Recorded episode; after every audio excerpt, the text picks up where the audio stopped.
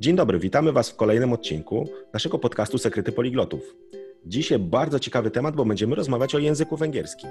Ja nazywam się Konrad Jerzak-Weldobosz, a jest ze mną wyjątkowo dzisiaj w całości Marlon Couto-Hiberu, bo zawsze widzieliśmy tylko jedną jego połowę, a dzisiaj jest z nim jego druga połówka, czyli żona Oniko, która pochodzi z Węgier, jest naszym specjalistą od języka węgierskiego. Opowie nam dzisiaj pewnie wiele ciekawostek o samym języku i o, sam, o Węgrzech, o Węgrach.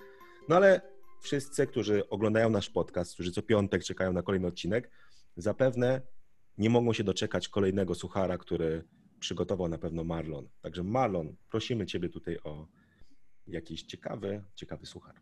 Najpierw witamy Was serdecznie, witamy słuchaczom, witamy e, widzom i tutaj obok mnie siedzi moja piękna żona Oniko Kotosoloi. Dziękuję bardzo. Witam wszystkich bardzo serdecznie i słuchaczy i widzów. Słucham Marlon. Tak jest. No to teraz muszę zadawać Wam pytanie, bo tak lubię takie suchary w postaci pytań i mam nadzieję, że Wy też.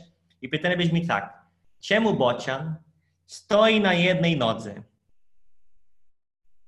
Bo gdyby ją podniósł, to by upadł. Tu, tutaj, e, tutaj chciałem naszym widzom zdradzić pewną tajemnicę, że e, te śmieszniejsze suchary podpowiada oczywiście A Marlonowi tajemnicę? Onikom. Ja nie mam żadnej Natomiast- tajemnicy.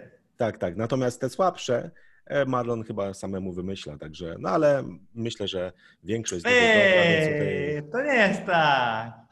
nic. Tak, ale ja bardzo dziękuję i jestem dos, dozgonnie wdy- wdzięczny żonie za to, że mi wysyła albo podsyła nawet, podsuwa fajne suchary, które wymyśla też, uczniowie przekazują, a też wymyślam swoje i nie tylko słabe. Ja też czasami takie super fajne, mokre suchary wymyślam też ra, nieraz. Dobrze, Marlon, ale przejdźmy, bo dzisiaj temat język węgierski, prawda? I Tak. Mnóstwo osób teraz, e, zapewne słuchają nas też nasi uczniowie z kursów 90 dni do węgierskiego, którzy codziennie słuchają głosu Oniko, która oczywiście nagrała nasze, nasze zdania i nasi uczniowie dzięki niej poznają język węgierski, więc z całą pewnością chcieliby dowiedzieć się czegoś o e, Marlon, o twojej żonie. Czyli Oniko, mam do ciebie od razu pytanie, bo e, wszyscy, którzy usłyszeli, jak się przedstawiasz, usłyszeli, że świetnie mówisz po polsku i pewnie podejrzewają, że to jest w ogóle jakieś oszustwo, że my jakąś Polkę przyprowadziliśmy do programu, a nie Węgierkę. I e, no, ja oczywiście znam Twoją historię i to, co jest ciekawe tutaj też, że ona przełamuje pewien e, taki stereotyp, wydaje się ludziom, że należy zacząć się uczyć języka w wczesnym dzieciństwie i wtedy opanujemy ten język bardzo dobrze. Natomiast ty zaczęłaś się uczyć języka polskiego dosyć późno, więc opowiedz może swoją historię. Jak trafiłaś do Polski, żeby spotkać tego kosmitę Marlona też e, po drodze, ale jak dziewczyna z Węgier trafia do Polski i uczy się języka polskiego, bo to jest historia na pewno niesamowita. Poprzez kosmos na pewno, nie? Na pewno tak się trafię. Okej, Na ale ona, ona Na też pewno, tak. szczegółowo. To przede wszystkim bardzo dziękuję za uznanie, nie tylko za to, że się y, uczę tego polskiego i całkiem tak, y, myślę, że całkiem dobrze mi już wychodzi, a też za uznanie właśnie dotyczące właśnie dostarczania sucharów. Y, Więc tak, ja się zaczęłam uczyć tego polskiego, jak już byłam na uczelni, czyli miałam 19 lat. I ja sama się zastanawiałam nad tym, czy mi to wyjdzie, czy nie, y, a szczególnie z tą wymową, bo też miałam takie przekonanie, że żeby się dobrze nauczyć jakiegoś języka, przede wszystkim złapać y, poprawną intonację, wymowę, rytmy i wszystko, no trzeba to zacząć jak najwcześniej. I tak miałam z angielskim, y, miałam tylko 10 lat jak zaczęłam, więc miałam swoje wątpliwości, to prawda. To, co uznałam za konieczne, to było ym, y, słuchanie. I słuchanie przez, y, możemy powiedzieć, godziny codziennie, zanim zaczęłam się y, uczyć właśnie na uniwersytecie, gdyż wcześniej właśnie tak nie ukończyłam kursu, ale słuchałam dosyć dużo tego polskiego, więc zostałam nieco osłuchana tym językiem, zanim poszłam na pierwsze zajęcia. I tam spotkało mnie takie pewne zaskoczenie, że mój profesor myślał, że ja w ogóle mam pochodzenie polskie i mnie zapytał, no to ale ty masz rodziców polskich, prawda? Mówię, Nie, nie, nie mam. Ja po prostu tylko słuchałam przez parę ostatnich miesięcy tego polskiego, bardzo mi się podobało, postanowiłam tutaj przyjść. Yy, No i bardzo mi się to spodobało, więc ja już myślę, że yy, zostanę tu. W każdym razie ja byłam na anglistyce w tym czasie i zaczęłam e, studiować polonistykę e, równolegle. I po roku um, uczestniczyłam w tym programie Erasmus dla studentów i przeprowadziłam się do Lublina i studiowałam tam przez pięć miesięcy na Katolickim Uniwersytecie, gdzie nawiązałam kontakt z profesorami, a także oczywiście ze studentami i tak bardzo bardzo polubiłam też to miejsce, całe miasto, cały ten klimat. Polubiłam też polską kulturę. Y, niewiele, niewiele, niewiele o Was wiedziałam, ale to, co, to, co wiedziałam, to, to po prostu mnie urzekło. Y, to prawdę mówiąc, jak się, jak się zaczęłam uczyć tego polskiego, to Miałam takiego profesora akurat na tej uczelni na Węgrzech, który bardzo lubił opowiadać o etymologii różnych słów i o tym, jakie są podobieństwa między językami e, słowiańskimi. Także co chwilę tylko podawał jakieś przykłady i po prostu czułam, że otwierają się e, przede mną drzwi na jakiś nowy świat e, gdzie jakiś język nie jest odizolowany od innych języków, innych kultur. I było po, po prostu mnie głęboko urzekło to, E, że polski jest jednym z tych wielu języków słowiańskich i, i ten polski też może być takim mostem do innych kultur. Mhm. E, także myślę, że to, to, to było to, co mnie urzekło. E, I właśnie po tych studiach na Erasmusie, jak wróciłam na Węgry, ja już byłam przekonana, że jak tylko skończę te studia licencjackie, na magisterskie będę musiała wrócić. Więc wtedy postanowiłam właśnie E, e, ubiegać się o stypendium e, dwuletnie, żeby móc ukończyć studia magisterskie na tej samej uczelni, czyli na katolickiej w Lublinie. No i tak było po prostu i to już tak zostało. Co prawda ukończyłam tylko anglistykę, ale polskiego się uczyłam w czasie wolnym z kolegami, koleżankami od takiej przyjaciółki, z którą mieszkałam w jednym akademiku. E, no i tak po prostu w taki swobodny sposób, e, żeby tak potocznie mówiąc, przy piwie, nie? W hmm. taki sposób się uczyłam najczęściej. I, I, myślę, że to co, to, co powiedziałaś, jest też ciekawe, bo my Polacy o węgierskim najczęściej, o Węgrach mamy bardzo pozytywne zawsze jakieś, powiedzmy, nie wiem, myśli nas e, łączą, kierują, prawda, że jest to bardzo przyjazny naród, który jest nam bliski i tak dalej. Natomiast wiemy, że ten język węgierski jest e, skomplikowany, że on jest jakby z jakiegoś kosmosu, tak jak Marlon, czyli jest zupełnie, zupełnie inny.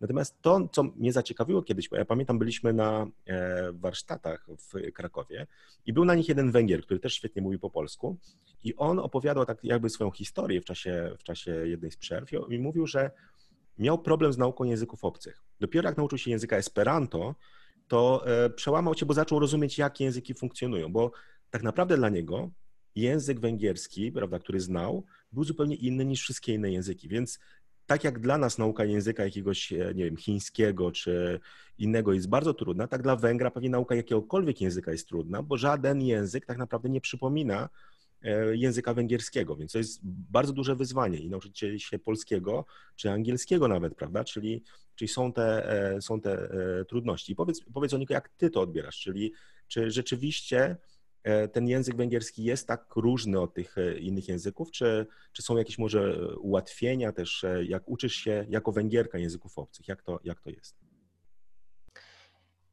Pod niektórymi względami, ja właśnie zgadzam się właśnie z, z tą poliglotą, który się uczył tego Esperanta, którego wymieniłeś. Jest to prawda, że węgierski tworzy taką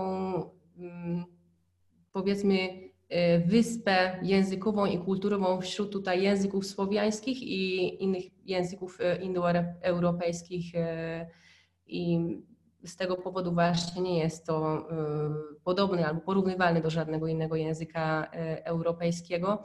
I też doświadczyłam właśnie takie trudności przy najbardziej podstawowych zagadnieniach, nawet w języku angielskim. Y, tak jak mówiłam, byłam dzieckiem, jak zaczęłam się uczyć, więc miałam mieć pewnie jakieś mało barier językowych, nie? bo tak się zakłada, że dzieci łatwiej łapią te języki. Natomiast jak po prostu zobaczyłam, że po angielsku istnieje on i ona, czyli he i she, e, zaczęłam się na ten moment i mówię, jak to jest możliwe? To jest bez sensu. To dla mnie jakaś właśnie z kosmosu ten język, nie? Także te najbardziej podstawowe zagadnienia też e, sprawiają takie kłopoty, dlatego że mamy taki odrębny język. Natomiast y, jest y, pełno takich cech, które y, sprawiają, że węgierski jednak wydaje się takim łatwiejszym językiem mm, pod jakby pod niektórymi względami łatwiejszym na przykład od hiszpańskiego czy e, angielskiego. To mogę, mogę podać mnóstwo takich przykładów moim zdaniem. A jakie są te przykłady, okay? bo e, zanim, zanim to opowiem o pochodzeniu, e, co sprawia, że węgierski może być łatwy dla Polaka? Dobrze, no na przykład, y, żeby to odwrócić, nie? że dla mnie było trudne y, opanować to, że y, istnieją te zaimki osobowe w trzeciej osobie, czyli he i she, a nawet w innych językach, jak na przykład w niemieckim i polskim. Wszystkie rzeczowniki mają swój rodzaj, nie? że jest rodzaj żeński, męski i tak dalej. Też zupełnie z kosmosu, czemu stół jest męski, nie? a okno na przykład nijakie. To jest y, dla mnie do dzisiaj trochę takie niepojęte, ale żeby to odwrócić, łatwością w języku węgierskim na przykład może być to, że nie ma rodzajów gramatycznych. Także nie ma takich rodzajników typu der, nie? tak jak w niemieckim, albo nie ma różnych takich końcówek. Z tego powodu y, nie trzeba uważać na różne końcówki przymiotników, nie trzeba to uzgodnić z rzeczownikiem w żaden sposób. Na przykład nie, mu, nie musisz mówić lektor, lektorka, nie? albo e, dyrektor, pani dyrektor. Nie, nie mhm. trzeba robić tego podziału, prawda? E, na, na podstawie słów. Nie? Albo nie musisz mówić e, e, psuczka i, wiem, i piesek, nie? taka wersja męska, o to ci chodzi. Nie?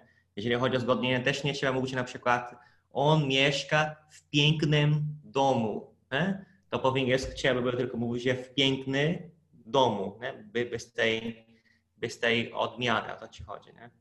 Tak, tak, tak, właśnie, właśnie coś takiego, tak. Mhm, mhm. E, Mhm. I tutaj z tymi rodzajami to też jest ciekawe, bo e, wielu naukowców zastanawiało się, na ile język, którym mówimy, wpływa na to, jak myślimy. I to, co jest ciekawe, właśnie ten rodzaj, to jest jedna z takich rzeczy, która ma pewien wpływ na to, jak postrzegamy pewne rzeczy. Czyli gdy na przykład e, myślimy o czymś jako Polacy, co jest rodzaju żeńskiego, to wydaje nam się to bardziej jakieś delikatne, takie kobiece, prawda? Natomiast jeśli coś jest rodzaju męskiego, no to wtedy wydaje nam się silniejsze. Natomiast ludzie, w, który, w którym to, to samo słowo w ich języku jest innego rodzaju, będą to postrzegali inaczej. Prawda? Czyli to jest taka, taka ciekawa rzecz, czyli i to, to mogą nasi słuchacze sobie zrobić. Pomyślcie o jakimś e, przedmiocie, na przykład szklanka. Prawda? Jest to neutralne, bo szklanka nie jest jaka, ale zauważcie, że czujecie, że ona jest bardziej delikatna. Prawda? Natomiast pomyślcie sobie kubek. Prawda? Jest brzmi e, w rodzaju męskim, prawda? Więc jest bardziej e, taki wytrzymały, może silniejszy i tak dalej. To są takie drobiazgi. Natomiast jeśli w innym języku, e, w którym jest na przykład na odwrót, wówczas oni mogą inaczej to postrzegać, prawda? To jest taka, taka ciekawostka. Na przykład zobaczmy słowo samochód. Po polsku jest rodzaju męskiego. Więc jak myślicie samochód, to myślicie o czymś co, właśnie z takimi męskimi cechami. Natomiast w języku francuskim chociażby mamy la voiture, prawda, czyli samochód jest rodzaju żeńskiego, mamy la, prawda, czyli jest rodzaju żeńskiego i wtedy jak Francuzi go postrzegają? Postrzegają go zupełnie inaczej. Czyli to jest taka właśnie ciekawostka, że są pewne rzeczy, które wpływają. Natomiast w języku węgierskim rodzajów nie ma, więc e, dla was wszystko jest neutralne, więc pewnie stąd też zdziwienie, że, że ludzie mogą e, nazywać coś, że jest rodzaju męskiego, czyli jak to, jak... E, Ale czekaj, skojarzenia mają na pewno. Ja, ja właśnie z Oniku już sporo o tym rozmawiałem, bo, bo, to jest bardzo ciekawy temat. Ona e, zresztą, zresztą bardzo lubi opowieść, opowiadanie, szczególnie e, takie dla dzieci, więc jakieś obrazki są potrzebne, a jak ktoś rysuje te obrazki, to musi dodawać pewne cechy, pewne rysy na, na, na twarzy tych postaci. Na przykład, jeżeli to są rzeczy, jeżeli to są warzywa czy owoce, i jakie skojarzenie oni mają. Mimo tego, że nie mają tego rodzaju, to ona sama opowie, ale skojarzenia mają, bo e, tu w Polsce ludzie mogą mieć skojarzenie na podstawie rodzaju. Na przykład, skoro marchewka ma rodzaj żeński, to chyba dla Polaka byłoby naturalne, że ktoś rysuje panią marchewkę, prawda? I będzie pani marchewka, prawda? Ale z kolei będzie pan ziemniak. Jeżeli ziemniak ma być żywy, to będzie jakiś pan. To, to by było dziwne, gdyby to była pani, prawda? Bo słowo trochę uwarunkuje to rodzaj tych słów i, i w Brazylii też tak samo, nie? E, więc oni skojarzenie mają, mimo tego, że nie mają tych rodzajów, więc nie, nie ma w języku, ale macie to pojęcie, rozumiecie to pojęcie, nie? Jak jest to, że jakiś rodzaj, e, czy męski, żeński może być jakby przylepiony, czy tam do jakiegoś ale, ale... słowa, do jakiegoś pojęcia. Szczególnie jeżeli chodzi o takie abstrakcyjne, tak jak on wymienił stół, ty wymieniłeś kubek i szklankę, tak? Słucham? No ale możemy, możemy porównać, Marlon, bo masz, jesteś e, Brazylijczykiem i na przykład słowo E, ziemniak, prawda, czy kartofel. Dla nas to jest e, słowo męskiego, chyba że ktoś jest z Poznania, mówi pyra, prawda, więc wtedy może na to... Natomiast generalnie w języku polskim to jest słowo rodzaju męskiego, więc mamy raczej skojarzenia takie, że to jest coś właśnie z takimi cechami męskimi, prawda? Natomiast w języku portugalskim mamy batata, prawda, czyli rodzaj żeński. Tak. Jak ty postrzegasz ziemniaki? Dla ciebie jakbyś miała... No jako, ziemniaka... jako pani, ja, ja, jako pani na przykład, e, taka, taka pani, starsza pani, bo nawet jest takie, e, taka rymowanka dla dzieci o mamie, o mamusiach i tam się pojawia ziemniak. To jest tak. Mamãezinha quando nasce, põe a mão no coração. Não, mamãezinha quando deita, põe a mão no coração. Batatinha quando nasce, se esparrama pelo chão.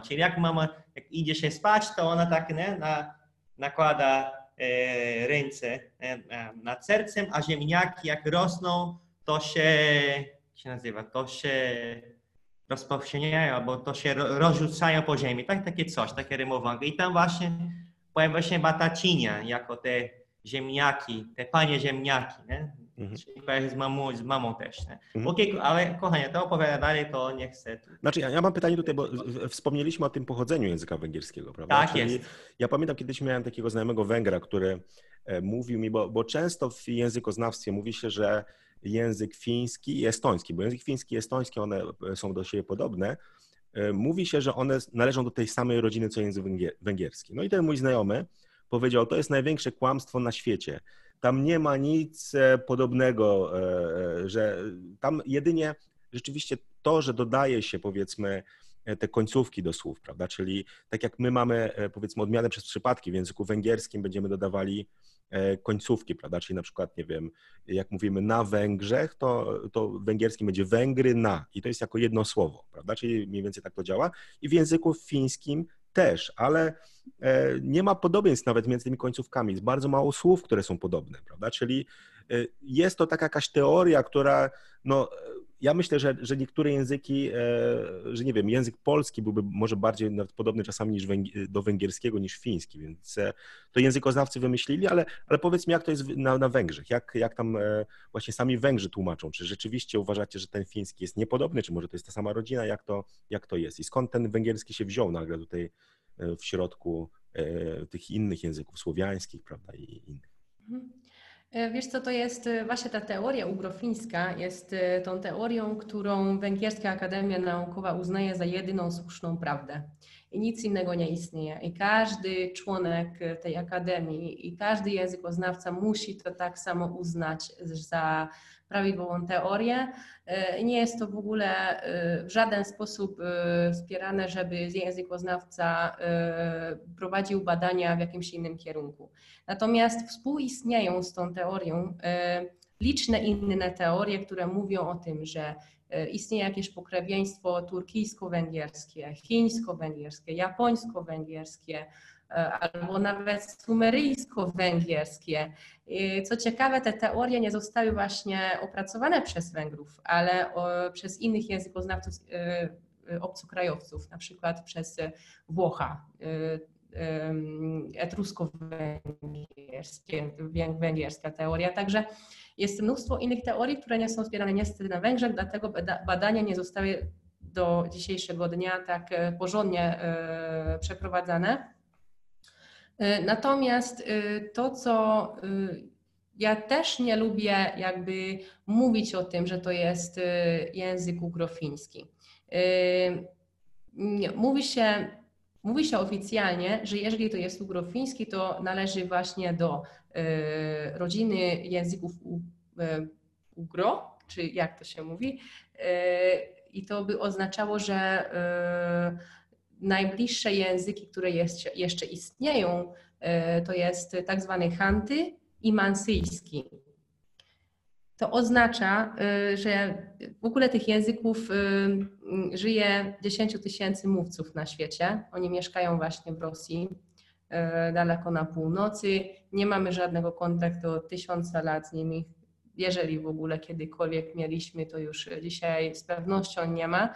Także takiego pokrewieństwa bardzo trudno by było udowodnić e, takimi właśnie metodami językoznawczymi, jakie są nam znane. No i właśnie to jest takie pytanie, co sprawia, że węgierski jest taki inny, nie? Że jest taką wyspą językową i kulturową, tak jak już o tym wspomniałam.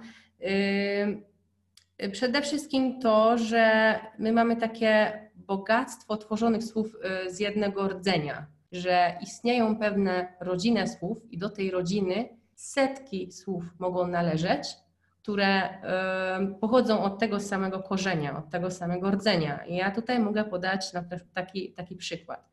Jest taki rdzeń ir. Jego podstawowe znaczenie to jest żyła albo potok. Czyli coś, co płynie, jakieś źródło, może być wody, krwi i tak. I z tego jednego rdzenia tworzy się masa słów, jak na przykład jest elir, megir, kier. One znaczą e, sięgać, zdążyć na czas, albo jeszcze bardziej podstawowe irt, czyli rozumieć, albo ires, czyli czuć, albo też irind, e, dotknąć, dotykać. No i oczywiście z tych czasowników jeszcze inne rzeczowniki, albo takie słowa jak na przykład ered pochodzić, eredat pochodzenie, albo ered mean, czyli wynik. E, I te rodziny słów e, są bardzo, bardzo bogate. Takich e, korzeń mamy mniej więcej 50.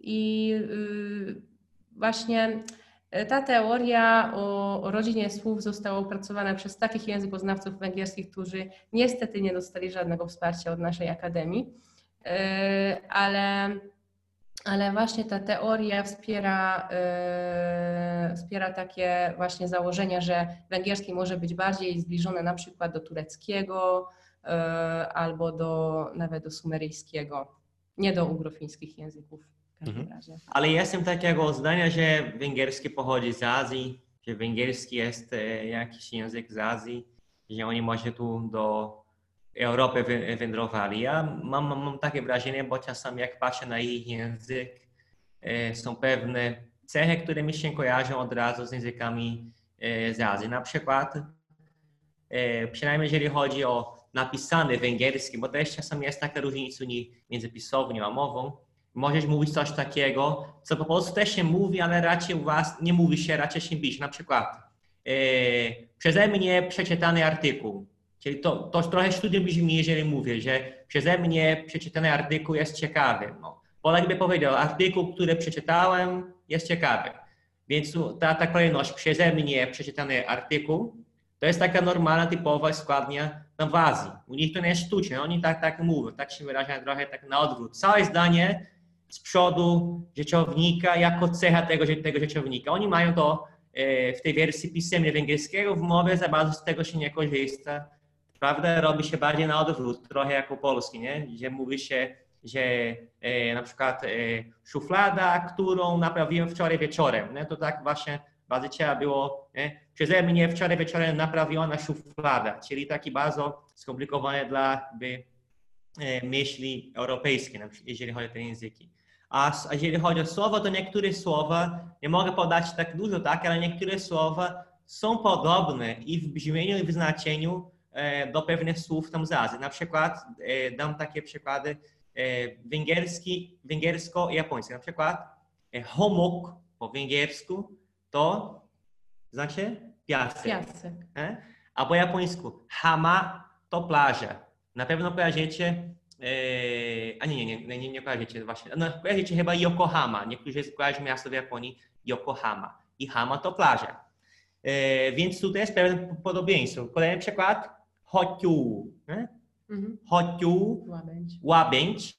A po, po japońsku jak jest łabędź? Hakucho. Więc hakucho i hokyu podobnie brzmi. Kolejny przykład. Ny. Kobieta. A po japońsku w niektórych wyrazach, to nie wszędzie, kobieta może być nią. Na przykład bonio, bonio, gosposia, nią jako kobieta i bo, która się opiekuje. Kobieta, która się opiekuje domem, czyli ta gosposia, prawda? I z kolei tam po chińsku nu, czyli nu, kobieta i nu, to no trochę podobne, okay? Czyli jest kilka tych przykładów. Kolejne, shimo, co to jest po angielsku shimo? Płaski. Płaski, a po japońsku shima znaczy pasek, tak jak zebra ma paski, i też wyspa, czyli podobieństwo jest, tak, paski są, tak. paski są paski, a wyspa ma taką paską powierzchnię, więc tutaj nie? shimo, shima. Więc to są te, te przykłady. A kolejne, a teraz, teraz podobne do mongolskiego. U nich tenger to jest morze, prawda? A ten po mongolsku, e, po mongolsku tenger, podobnie, nie? tenger to jest niebo. Więc skojarzenie jest niebo niebieskie, morze niebieskie, więc tutaj tak mógłby podać więcej takich przykładów na podstawie słów. O, kolejne. Ojto, drzwi, a po baskijsku, które też ponoć pochodzi z Azji. To jest też, też język, który bardzo inaczej brzmi niż języki e, tutaj europejskie. Po baskijsku. A ty.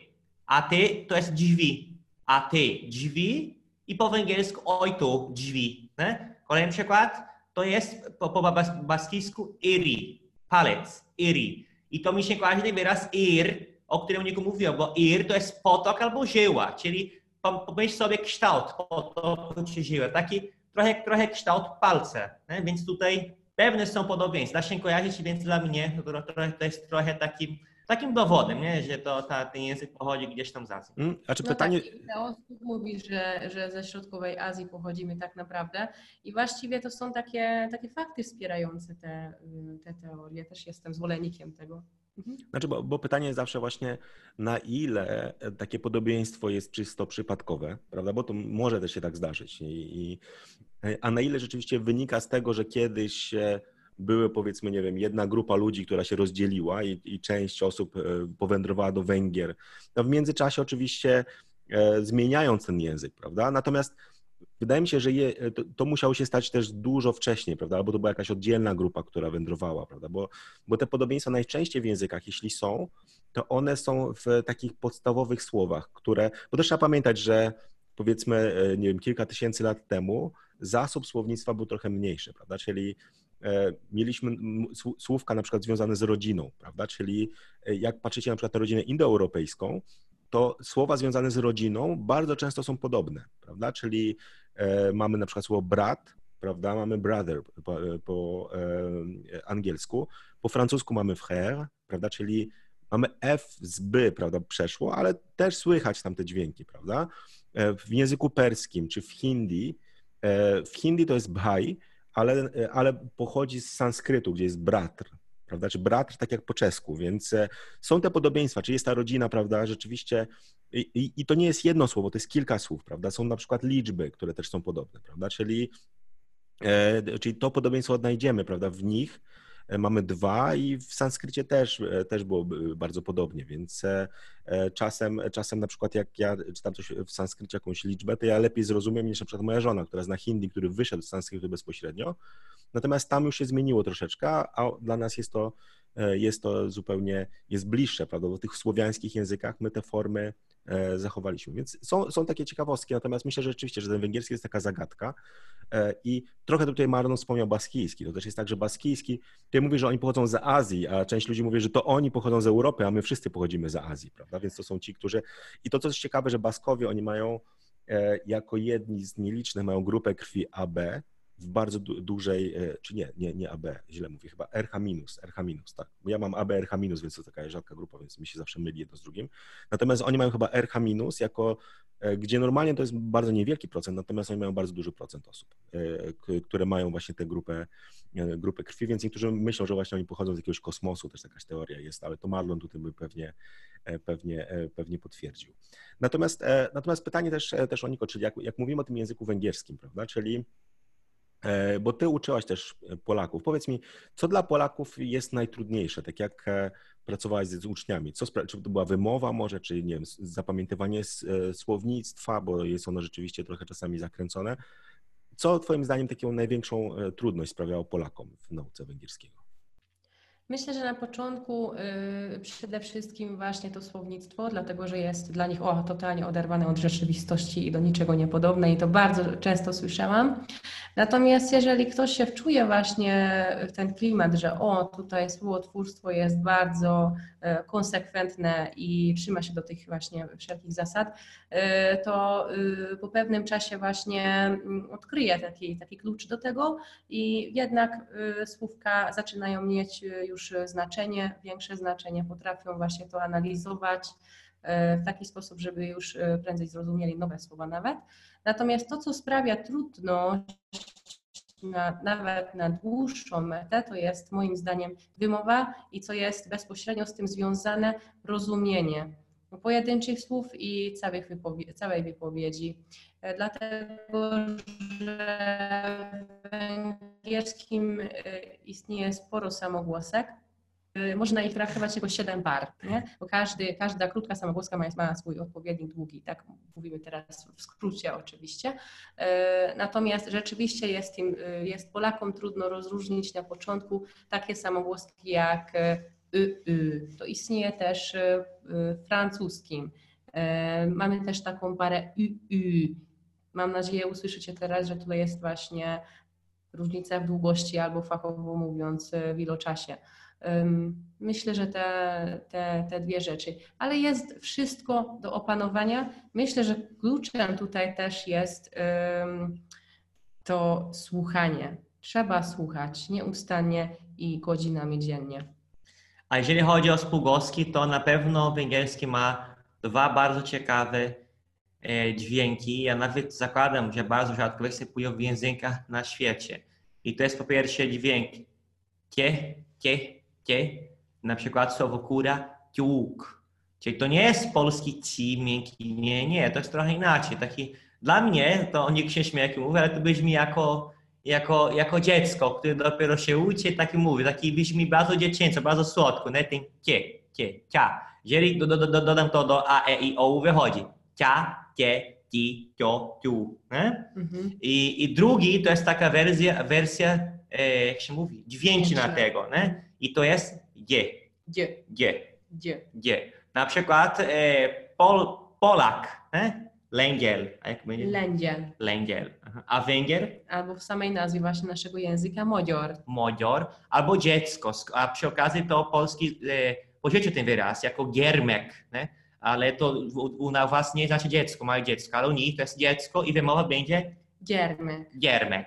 Giermek. Nie? Mhm. To się pisze e, G, Y i to jest ten dźwięk ten G. I ten drugi, ten pierwszy, ten T, to się pisze T, Y, więc to są dźwięki, które nie macie i no trzeba panować. To nie jest trudno, ale trzeba jakby wyobrazić różnicę, że to nie jest di, to nie jest ci, prawda? Mhm. Ale a propos węgierskie, węgierskiego, jeszcze możesz nam wymienić parę, parę e, cech, które sprawiają to, że ten język może być łatwy, okay? bo chcemy tutaj przekonywać naszych słuchaczy, widzów, że jednak warto się uczyć węgierskiego i nie wolno się bać, bo jakieś problemy albo wyzwania mogą być przy nauce każdego języka, ale na, na, zawsze da się znaleźć jakieś łatwe strony, łatwe cechy, które nam trochę e, polepszają albo trochę nam e, mm, ułatwiają, dziękuję, tak jest, umożliwiają właśnie e, przyswojenie. Mhm. Tak, y, na przykład y, dla Polaków myślę, że kluczową kwestią zawsze są czasy gramatyczne, bo ci, którzy są przyzwyczajeni do angielskiego, pierwsze pytanie, co wpadnie na e, lekcji jakiegokolwiek języka obcego, a ile jest czasów? E, I właśnie od uczniów węgierskiego też często to słyszę, a ile jest u Was czasów gramatycznych? I tutaj można się uspokoić po prostu. E, mamy oczywiście czas przeszły, czas teraźniejszy i czas przyszły. Mamy oczywiście też prosty czas przyszły i złożony, tak jak e, po polsku, ale najczęściej używamy e, tych form czasu teraźniejszego e, w odniesieniu do czasu przyszłego. Także tak naprawdę wystarczy zapamiętać dwie formy każdego czasownika do każdej osoby, nie? I już mamy czas przeszły i czas teraźniejszy właśnie Y, razem z tym przyszłym. Że akurat z tymi czasami gramatycznymi nie ma żadnego problemu i y, żaden z moich uczniów nie miał nigdy y, problemu z tymi czasami. to, co jest jeszcze banalne, to jest liczba mnoga. To jest tylko dodawanie k do końca słów i już mamy. A jeszcze do, do tego nie zawsze jest obowiązkowo. Może wytłumaczyć to zjawisko? Tak, oczywiście. Bo często pada też pytanie, mm, czy języki są logiczne. I ja zawsze tłumaczę moim uczniom, że język nie musi być logiczny. To jest językoznawstwo i gramatyka, który musi być logiczna, E, albo inaczej, bardzo konsekwentne, żebyś ty umiał tego języka się nauczyć w jakiś e, usystematyzowany sposób. Natomiast to, co zawsze im mówię, liczba mnoga po polsku dla mnie jest do dzisiaj jakąś nieodkrytą tajemnicą i zawsze będzie trochę już trudne, moim zdaniem, jak tworzyć właśnie tej, te, te formy liczby mnogiej, a po węgiersku jest tak, że nawet nie zawsze jest obowiązkowo używać tych form w liczbie mnogiej. I mam na myśli tutaj na przykład takie wyrazy jak dużo, czyli szuk, e, kilka, czyli néhány, albo mało, czyli kevish, o których naturalnie byśmy powiedzieli formy w liczbie mnogiej, a po węgiersku nie ma takiego E, obowiązku. Nie ma takiej reguły nawet. Reguła jest taka, jeśli mówisz dużo, to wiadomo, że tego czegoś już jest więcej niż jeden. Więc po co dwa razy zaznaczyć? Więc jak mówię kucio, czyli pies, a chcę powiedzieć dużo psów, to szok kucio. I koniec. Czyli dużo pies, dosłownie. Tak. I to samo się sprawdza w, w, w liczebnikach, nie? To w Brazylii robimy to samo, ale to jest uważane za, za potoczne, za błąd ale my chyba zauważyłeś, jak my liczymy w Brazylii, bardzo chętnie mówimy na przykład e, pięć bułka, a zamiast pięć bułek na przykład, nie? Mhm. A po węgiersku to jest, to jest nawet reguła, zasada. Jeżeli chcesz dodać liczbę mnogo po liczebnikach, to jest błąd, bo to u nich to jest normalne, tak, tak jest, nie? U nas to jest normalne. Tylko raz zaznaczymy, że tego czegoś jest więcej. Jest kucio, jeden pies. Dwa psy, kit, kucio. Tak, więc A nawet tysiąc psów to jest tysiąc pies, czyli ezer kucio. Ezer kucio. Znaczy, a, a, czasami jest ludzie pojedyncze e, tam, gdzie nie ma e, tych określników. Na przykład pamiętasz te, te określenie gezet muszni, fugot, fugot muszni. I tu, I tu uczy może pytać, czemu nie ma nie? liczby nogi, bo i nawet w, hymnie też mają zwrotkę, e, w której nie ma właśnie liczby nogi. Jak, jak proszą, niech Panie, niech, niech Panie Boże, niech Pan pobłogosławi Węgra E, i mają na myśli Węgrów. Nie? Cały kraj, nie, nie mhm, tylko tak. jednego konkretnego, ale bo to jest u nich normalne zjawisko, że ta liczba pojedyncze może zawierać pojęcie liczby nogi. Nie? To, co Marlon wymienił, to był fugatmusz na przykład, umyć zęby, a my mówimy umyć zęba, jakby, jakbyśmy mieli tylko jednego. Ale nie wymienimy, że tego jest więcej, bo wiadomo, że mamy więcej, nie? Albo zamknij oczy, czukby semet. Też jest tutaj właśnie liczba pojedyncza tylko. Także to też jest pewne ułatwienie. Nie, ja myślę e, też, że e, żeby e, przerwać, jak Polacy niektórzy mówią, jak to w ogóle można używać liczby pojedynczej na liczbę mnogą, to ja tylko powiem, że zastanówcie się, jak idziecie gdzieś tam kupić warzywa, czy pytacie się po ile marchewka, czy po ile marchewki, prawda? Czyli nie znaczy, że jedna marchewka, prawda? Natomiast, czyli my też czasami tak robimy, ale i myślę, że języki generalnie dążą do uproszczenia. Ja się tylko zastanawiam, tak jak mówiliśmy o tej historii języków, prawda? Dlaczego te języki nie zostały stworzone prostymi? Prawda? Czyli zazwyczaj jak idziemy wstecz, to te języki są bardzo skomplikowane. Prawda? Czyli generalnie ludzie, jeżeli prostszym życiem, mieli mniej y, problemów, a te języki, spójrzmy na przykład na łacinę, prawda? Wszystkie jakieś deklinacje, koniugacje i tak dalej, a języki, które wyszły z łaciny, te współczesne typu francuski, hiszpański, włoski, portugalski. portugalski są już łatwiejsze, bo nie mają na przykład deklinacji, prawda, e, rozbudowanej tak jak w łacinie. Tak samo sanskryt i języki Indii, prawda, czyli to jest taka droga, ja się zastanawiam właśnie, jak to się stało, że te języki się tak skomplikowały, że teraz się upraszczają, prawda, że, że też e, dlaczego na przykład w języku polskim, prawda, czy portugalskim nawet, prawda, dlaczego wy teraz upraszczacie tą liczbę mnogą do pojedynczej, a dlaczego tak. nie zrobiliście tego wcześniej, prawda, czyli to też jest takie zastanawiające, że e, mhm. jak to, jak to wygląda. Ale jeszcze jedna rzecz, wydaje mi się, czasami dla Polaków może być prosta. Mówiliśmy o tym słowie giermek, prawda, że jest to przenikanie tych języków słowiańskich i węgierskiego. Ja sam to doskonale wiem, bo moje nazwisko Dobosz, prawda, jest e, tutaj, czyli Jerzak Weldobosz, ale ta trzecia część tego, to jest, co, tutaj dodam, bo tutaj część osób może się zastanawiać, skąd ja takie nazwisko mam, to jest nazwisko jednoczłonowe składające się z trzech słów, bo jak musiałem tam dowód wyrabiać, to tam pani aż sprawdzała w dokumentach, jak to w ogóle zapisać, czy to jest, bo są w języku polskim dwa człony nazwiska, a moje to jest jeden człon, czyli nie ma żadnych kreseczek i tak dalej, chociaż zawsze mamy problemy, bo, bo zależy kto jak wpisze, tam moja żona teraz miała, że w jakimś tam banku jej kreseczkę dodali, teraz próbujemy to usunąć od wielu miesięcy i ciężko jest. E, natomiast e, to słowo dobosz e, pochodzi z języka węgierskiego, prawda? Czyli to jest ten,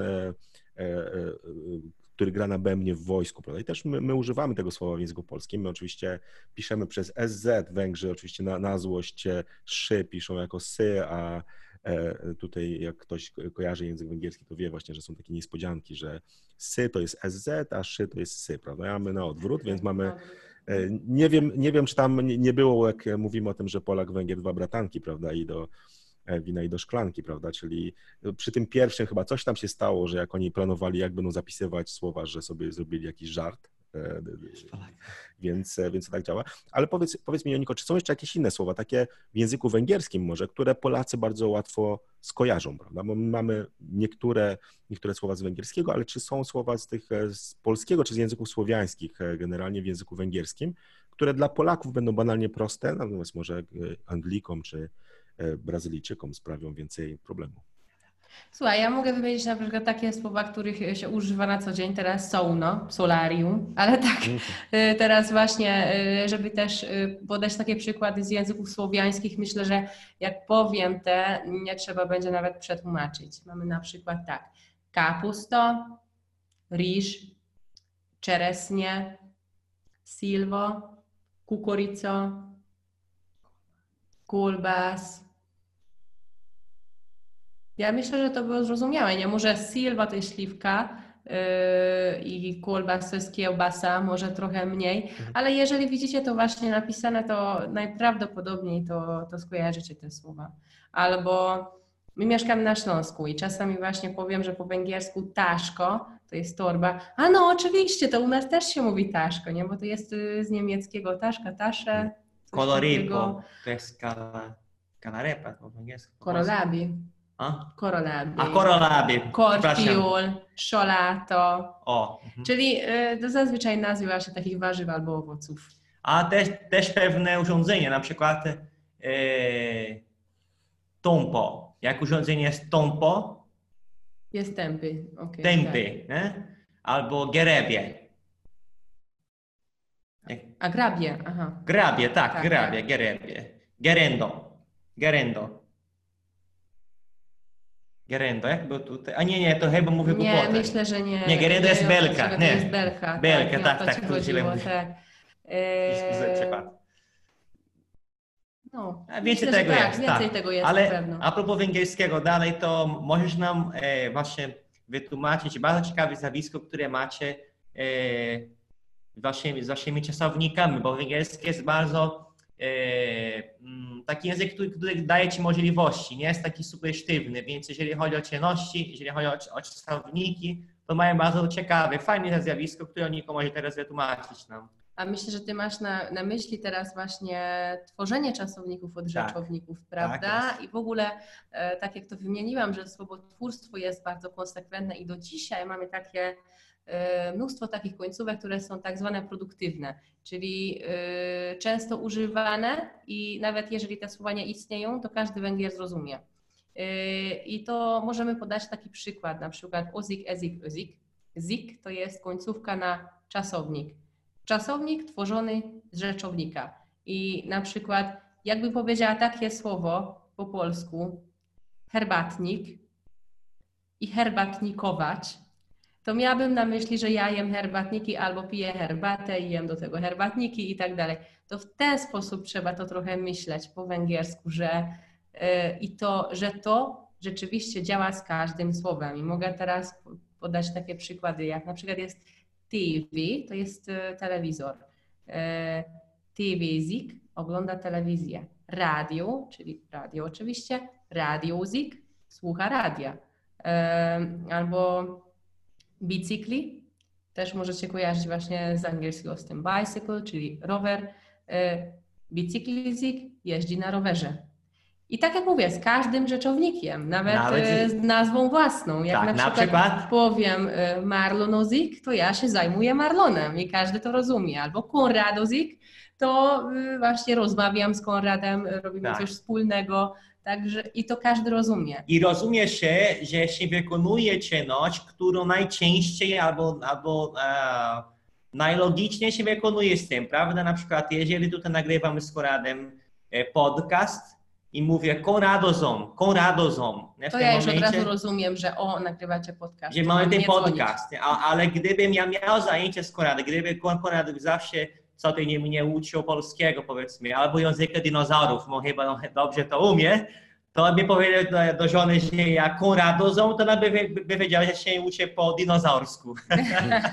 Nie, ale to jest ciekawe o tyle, że tak jakby to też zakłada czasami, prawda? Bo w takich e, sytuacjach, jak łączymy to ze tam słowem kawa czy herbata, to wi- wiadomo o co chodzi, prawda? Że każdy zrozumie, co najczęściej z kawą robimy, prawda? Natomiast e, e, to jest ciekawe właśnie, że to są takie słowa, które na przykład jak e, e, ty mówisz te e, Konradozą, prawda? To Oniko zrozumie, bo ona zna kontekst, prawda? Czyli to jest tak, Tak. jakby, że e, trzeba, to już jest coś więcej, to jest taki poziom znajomości e, e, nie tyle języka, co jest takie już możliwość używania własnego języka, prawda, który jest zrozumiały, mimo że ty możesz użyć to po raz pierwszy, prawda, a Oniko zrozumie, natomiast ktoś inny nie zrozumie, prawda, czyli e, nie wiem, e, rodzina Oniko z Węgier, jak ty powiesz Konradozą, to oni wiedzą o co chodzi w ogóle, prawda, natomiast e, natomiast no tutaj to jest, to jest ciekawe, prawda, że ten język ma tak, takie możliwości tworzenia i tak dalej. Natomiast Mhm. zastanawiam się, skoro w węgierskim są takie możliwości, jacy są Węgrzy tak naprawdę? Jak, e, e, bo to jest też ciekawe, prawda, że my żyjemy blisko siebie tak naprawdę i e, Polacy pewnie nie wiem, czy tak dobrze tych Węgrów znają. My bardziej kojarzymy właśnie takie pozytywne rzeczy z Węgrami. Na- Natomiast, czyli tam dobra kuchnia, prawda, czyli jakieś różne te przysmaki i tak dalej, czy generalnie kojarzymy, że Węgrzy są bardzo mili, prawda? Natomiast Czy Oniko, czy jak mieszkasz tutaj w Polsce, czy widzisz jakieś różnice między Polakami a Węgrami? Czy są jakieś może e, inne, nie wiem, e, inaczej się zachowujemy, czy inaczej postępujemy w pewnych sytuacjach? Jak to, e, jak to jest? Wiesz co, tak, mieszkam tutaj właśnie od 10 lat i szczerze mówiąc, e, czasami ja już bardzo szukałam tych różnic, ale mówię, kurczę, nie przeżyłam żadnego szoku kulturowego, to mi brakuje tutaj, mimo tego, że jestem w obcym kraju. Rzeczywiście tych różnic kulturowych jest bardzo mało, są bardzo takie specyficzne, ale nie aż tak szokujące, że tak powiem. Może E, Znaczy pewnie jak tak brakuje ci tego szoku kulturowego, dlatego kosmitę tutaj wzięłaś za męża, żeby ten szok Ha, ha, był. ha, ha, ha, ha, tak jest. No to rzeczywiście, to prawda, to potwierdzam. Szok mam na co dzień. E, także e, może taka największa różnica, e, która, która właśnie do dzisiaj mi czasem mi sprawia e, kłopot, to jest to, że jak się przywitać. A my na Węgrzech e, Oczywiście mężczyźni podają e, rękę i tak się witają. e, Nieznajomych witamy w ten, sam- w ten sam sposób, czy kobiety, czy mężczyźni też e, podawanie rąk. Ale jeżeli się znamy od jakiegoś czasu, jesteśmy znajomymi, przyjaciółmi albo rodzina oczywiście, to się wita właśnie buziakami, nie? Także i, buziaki zawsze są dwa, bo mamy po dwie policzki. I dla mnie to jest jak najbardziej oczywiste. Yy, Więc jak się wita właśnie z Polką czy Polakiem, ja po prostu teraz czekaj, czekaj, tylko raz, czy trzy razy, bo niektórzy właśnie lubią po trzy buziaki dać, a niektórzy tylko raz, a w ogóle czasem to nie jest buziak, to tylko to jest jakieś przycisnięcie policzki. No, nie umiem tego już opanować, a, ale na Węgrzech zawsze są właśnie dwa buziaki po jednej i po drugiej stronie. Yy, I tak jak mówię, mieszkam tutaj od dosyć dawna i kiedy się pracowałam w korporacji, przyjechała do nas cała delegacja z Węgier. Yy, Chyba były cztery osoby. Takie młodsze, była taka młodsza dziewczyna. Przychodzą każdego poranka, właśnie się witają z tymi Polakami, zawsze podają rękę. Pierwszy dzień oczywiście to idzie tak bez problemu, wszyscy, no tak, podajemy rękę. Drugi dzień dziewczyna się dziwi, dobrze, znowu podajemy rękę, o co chodzi, co to za dystans, nie? Trzeciego dnia, jak Polacy znowu podali e, rękę, żeby ją powitać, to ona potem e, przyszła do mnie i mówi z takim oburzeniem, ale o co chodzi? Co to za dystans? My już się znamy, po co my się nie witamy buziakami? I mówię, no właśnie, wy się znacie od całych trzech dni, a oni nie chcą dawać tych buziaków. Także my tak e, dosyć e, prędko przechodzimy właśnie przez ten etap, że witamy się właśnie tylko podawaniem rąk do tych e, buziaków. Także myślę, że to też jest taka różnica dzięki temu, że jesteśmy bardziej takim krajem, już trochę południowym, jeżeli można tak powiedzieć. Ale to jest właśnie to, co, to, co sprawia. Nie, ja, ja myślę, że to jest często jest właśnie jak się powitać. To jest jedna z takich dużych różnic kulturowych, która może tak. sprawiać problem. I ja zawsze jak e, jakieś prowadziłem też jakieś szkolenia właśnie o różnicach kulturowych, e, jak pracowałem w korporacji i tam no, tych różnic kulturowych było mnóstwo, bo tam ludzie byli z całego świata. No i generalnie zasada jest taka, że lepiej przywitać się bardziej e, powiedzmy w sposób neutralny, mhm. bądź też czekać na drugą osobę, prawda? Czyli, bo tutaj no możemy różne mieć problemy, tutaj Marlon, tutaj tą historię twoją z tą koleżanką z Iranu już opowiadaliśmy, E, w innych podcastach, także odsyłamy tutaj, e, co się tam, co się tam działo.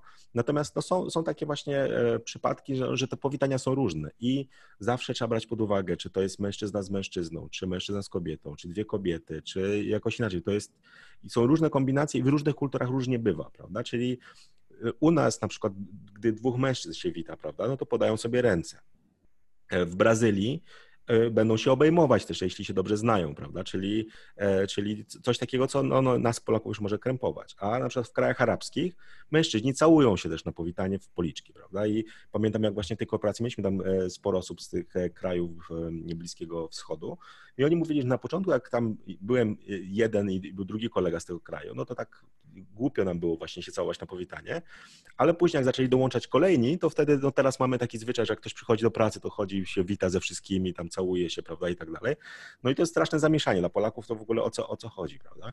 Natomiast są czasami takie drobne rzeczy, które, e, których my nie zauważamy. Na przykład w Polsce e, jest tak, że e, powiedzmy ja jako mężczyzna podchodzę do grupy osób, czyli grupy mężczyzn i witam się. I zazwyczaj podam rękę każdemu prawda? Czyli e, my to Polacy robimy nieświadomie. Natomiast w innych krajach często jest takie, że ktoś podchodzi i ogólnie się wita ze wszystkimi, prawda? Żeby już nie, nie musieć podawać ręki. Natomiast Polaków e, często właśnie ciągnie do tego, żeby się przywitać, nawet z ludźmi, których nie znamy i tak dalej. Czasem może ktoś przez przypadek stać obok, prawda? I też się z nim przywitamy, więc, e, więc to, to są różne, różne takie e, sytuacje, prawda? Że no, wiedzieć, jak, jak się przywitać, to jest, to jest duży, duży kłopot. A czy są jeszcze jakieś inne rzeczy, które, które że no Polacy robią trochę inaczej może niż od Węgrów? E, czy tutaj Marlon się śmieje, więc na pewno coś, coś tam jest e, e, takiego. Tak, ja myślę, że to, co jest często wymieniane, to jest to, że jak jesteśmy gdzieś gośćmi i nas przyjmują i bardzo ciepło nas przyjmują w ogóle Polacy w swoich domach, zawsze jest uroczyste rozdawanie kapci gościnnych. I takie, jakie kapcie? Mam takie fajne bambosze i to są kolorowe, czy, czy pasują i tak dalej. I jaki wasz rozmiar? I od razu toczy się rozmowa y, o tym, y, jakie jej pasują kapcie. I to jest takie fajne właśnie, y, czy nie wiem, takie właśnie y, przełamywania jakichś tam barier, nie? Albo od razu zaczynamy o czymś neutralnym rozmawiać. No na Węgrzech raczej tego, raczej tego nie ma i chodzimy na bosaka albo w skarpetkach po domach. E, I to jest może tylko jeszcze jedna taka różnica, a druga, że tutaj zawsze się częstuje herbatą. I ja na początku byłam też taka y, trochę skonfundowana, czemu ja mam pić teraz herbatę? Bo na Węgrzech my pijemy herbatę jak chorujemy, jak jesteśmy przeziębieni, mamy grypę czy chrypkę i tak dalej. I też y, taki kolejny przykład, y, przyjechała tutaj taka powiedzmy delegacja do y, jednego z tych liceów tutaj w Gliwicach z Węgier. Bardzo fajni uczniowie, bardzo inteligentni i mili. Jak pojechali właśnie do tego domu tych Polaków, to oczywiście y, poczęstowali ich y, herbatą. Jeden z nich tak, tak powiedział: Nie, dziękuję, nie jestem chory. I nikt nie rozumiał o co chodzi, y, ale no, tak jest. Herbatę pijemy, jak chorujemy. Ja myślę, że to, co jest jeszcze takim, taką dużą różnicą, to nie tylko powitanie, ale pożegnanie. Jak Węgrzy się żegnają, to ten proces trwa około 15 minut. I 20 to- już widziałem nawet. 20. Marlon to już widział, nie? I to jest, i po prostu żegnamy się, bo moim zdaniem to, te, to, to pożegnanie ma y, jakby swoje etapy, nie? Że mówimy do zobaczenia, do widzenia i to jest ten początek procesu. Aha, rozpoczęcie procesu pożegnania. Y, I, I wtedy tak, dobrze, to pozdrów mamę, tatę, babcię, dziadka, Psa. e, psa rybkę i tak dalej. Y, Także takie pozdrowienia, a że potem, że daj znać, jak dotrzesz do domu, y, a potem, ach, jeszcze coś tam zapomniałam oczywiście. Także y, takie Potem pożegnanie normalnie trwa u nas o- o tamtej 15-20 sprawie. minut. Tak, tak, tak. A to już pogadamy później i tak dalej. I to normalnie trwa 15-20 minut. Mhm. I to też taki przykład. Inna delegacja, jak do tej korporacji przyjechała, yy, było wszystko bardzo fajnie. Dwaj mężczyźni z Węgier przyjechali. yy, W ogóle współpraca się toczyła bardzo dobrze i była owocna. Ostatni dzień, żegnają się, jesteśmy na parkingu. Oni mówią, że mają się spieszyć, bo chcą właśnie dotrzeć do domu jeszcze yy, jakby jakoś tak wieczorem. I się pożegnali po angielsku i po polsku, coś tam próbowali, było bardzo miło. No i że Polacy, dobrze, dziękujemy, do widzenia, to my już wrócimy, a Węgrzy, że mają jechać, nie? A ci Węgrzy stali. Stali cały czas, dwaj mężczyźni, ale nic nie mówili, tylko stali po prostu. I bo Polacy po dwóch minutach tak spojrzeli na mnie, to oni na co czekają? My mamy jeszcze, mamy jeszcze coś powiedzieć, o czymś zapomnieliśmy, mówili ci coś i im powiedziałam tak, nie, to jest zupełnie normalne, to uspokójcie się, to jest dla nich jeszcze pożegnanie, oni potrzebują tego czasu. I oni między sobą gadali, że no tak, zaraz jedziemy, zaraz jedziemy. Dobra, ale jeszcze raz się pożegnamy, ale zaraz pojedziemy, bo no właśnie chcemy tam dotrzeć do domu. Także normalnie ten rytuał jeszcze trwał 15 minut, tylko nie, zostało ten, nie został ten czas jakby zupełnie na taką rozmową merytoryczną, że tak powiem.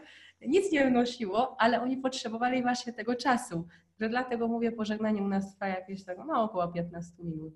A sposób komunikacji jest trochę inny też, bo trzeba o tym pamiętać, jak ktoś się uczy języka obcego, że ten język, ta kultura to takie nie są tylko te słowa, te zwyczaje, ale są pewne zasady nie, niezapisane, które, które można dostrzegać w różnych, w różnych dziedzinach, na przykład w sposób, w sposób komunikacji, sposób rozmowy.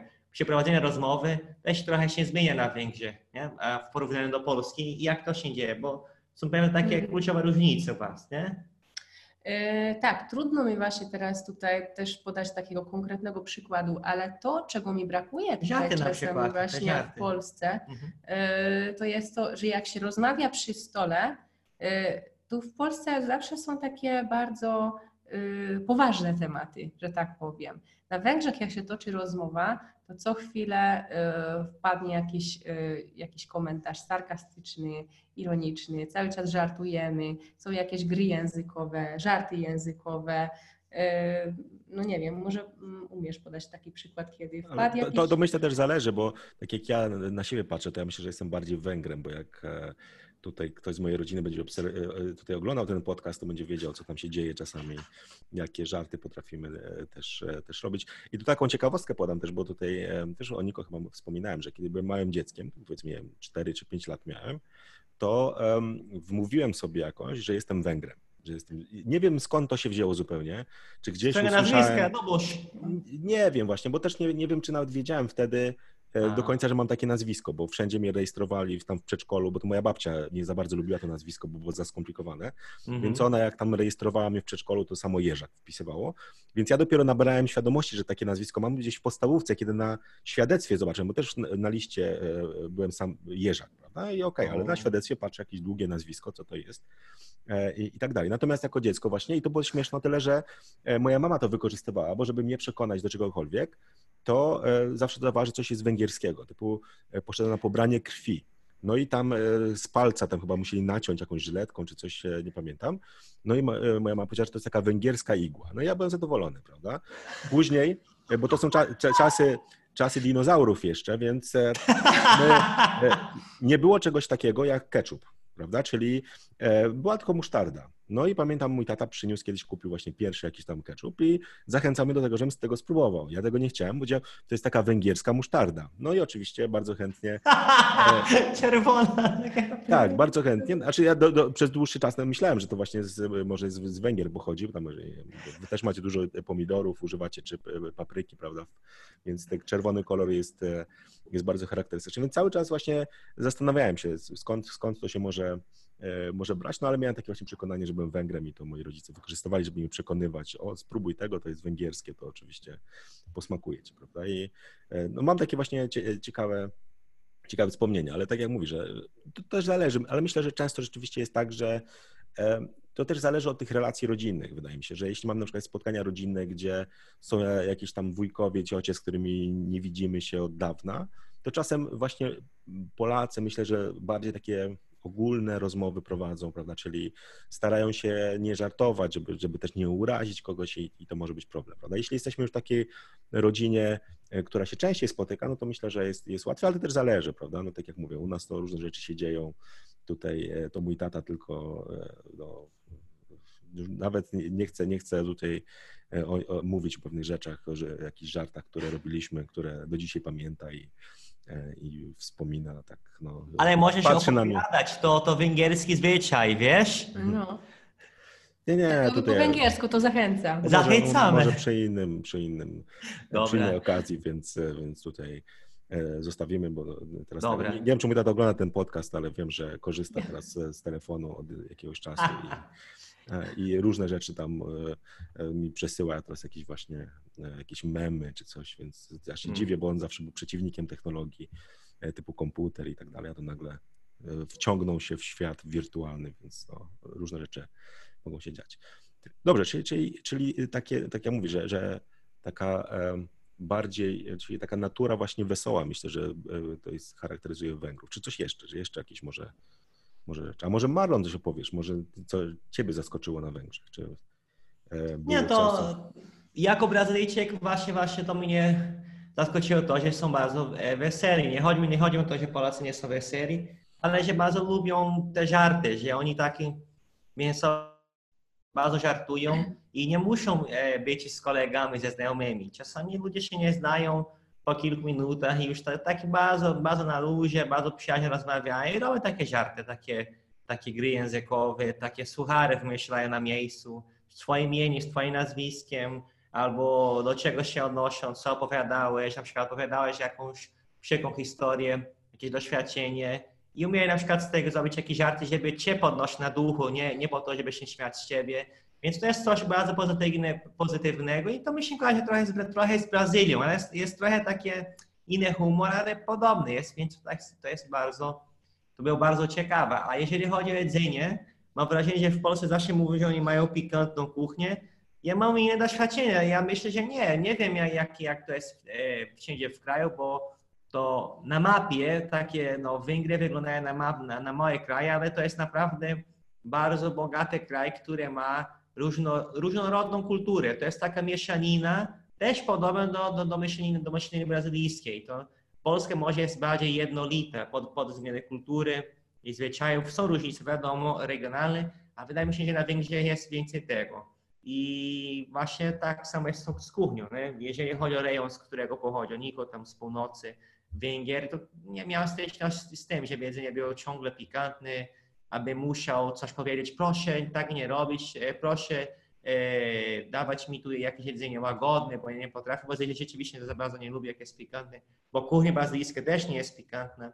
E, ja ludzie tak myślą, więc oni tego nie mają tak wszędzie. Jak to jest, kochanie? Chyba tylko pewne potrawy są bardzo pikantne, a, jak to jest? Bo ja wydaje mi się, że tak. No, jesteś... No żebyście mieli jakąś ideę, na ile u nas jedzenie jest ważne. Mówi się u nas, że e, kształt e, naszego kraju, Węgier, e, czyli mapa też pokazuje to, Węgry mają kształt kotletu schabowego. Także, Także, e, także tak, e, kuchnia, gastronomia u nas też taką kwestią e, centralną jest, ale mm, też nie lubię mówić, że mamy w ogóle jakąś tam szczególnie pikantną kuchnię albo pikantne potrawy.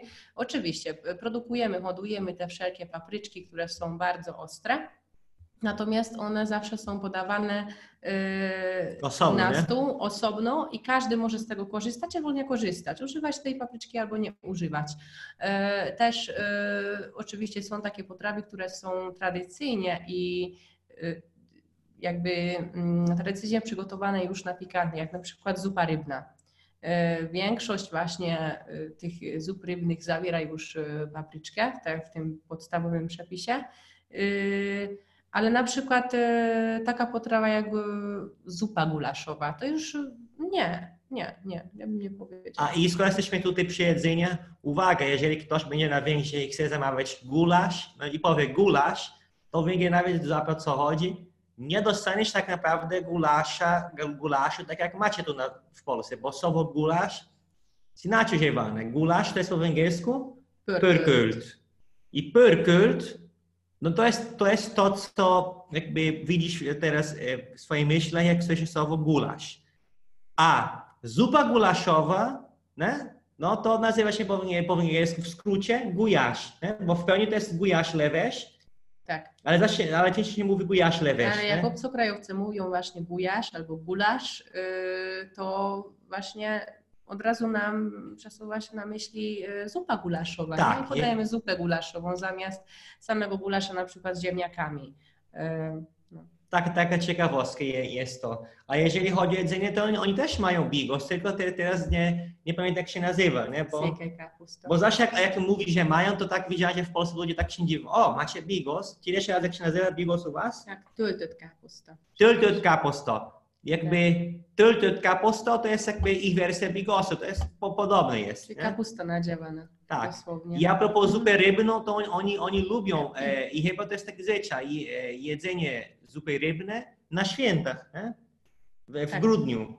Tak, tak, na święta bożonarodzeniowe typowo się przygotowuje właśnie rybę, a najczęściej właśnie zupę rybną. Zupę rybną, bardzo ciekawe. Nie? A, a propos języka, e, e, kochanie, wiem, że węgierski ma też takie ciekawe zjawisko, którego może nie, e, nie ma tu w Polsce. Konrad mo- może mnie poprawić, jeżeli to występuje, jeszcze nie wiem o tym, ale mają takie gry językowe nie, na podstawie ich języka, które są jakby oficjalne i taki bardzo e, Rozbudowane, tak? rozbudowane i są znane pra, prawie, prawie każdemu Węgrowi. Coś takiego też mają w Serbii, potem mogę mówić o tym w innym odcinku, taki, taką grę językową, to jest bardzo ciekawe i o niku może więcej opowiadać, bo to jest tak ciekawe, to, nie taka, to jest taka ciekawostka kulturo, kulturowa, nie? językowa. Tak, tak, tak. No, żeby te, tutaj też potwierdzić, potwierdzić e, to, na ile Węgrzy lubią te gry językowe i różne e, właśnie zabawy, e, jak lubimy rozkoszować się własnym językiem. Tak, bo bardzo lubią, są bardzo dumni ze ze swojego języka. Polacy też, ale, ale na Węgrzech może szczególnie, bo oni są tego świadomi, że to jest bardzo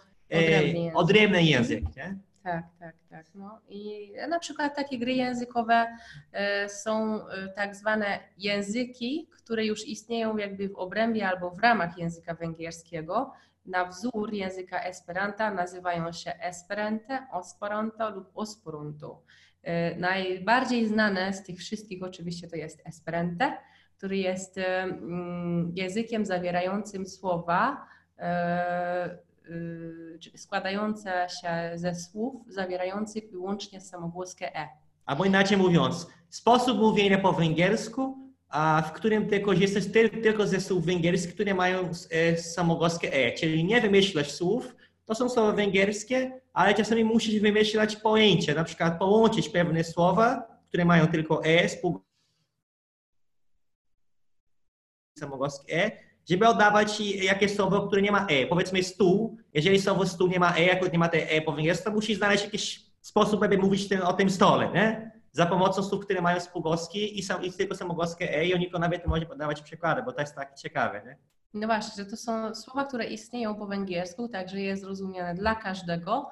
E, Natomiast e, wymaga to trochę główkowania i zastanawiania się, jak to opisać w tym drugim języku. Natomiast jest na tyle rozbudowane, że takie najbardziej znane nasze poezje zostały przetłumaczone w cudzysłowie na ten język Esperante. E, Różne takie oryginalne poezje zostały napisane też w tym języku.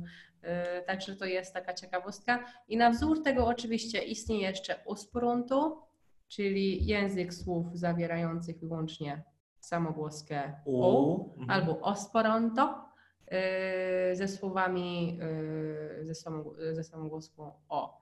Y, Także, ale E jest oczywiście, Esperanto jest najbardziej znane i może najłatwiejszy z tych wszystkich ze względu na to, że E jest y, najczęściej występującą samogłoską w języku Dużo takich słów, nawet słowa jako nie, dla, wy, dużo takich podstawowych, potrzebnych słów.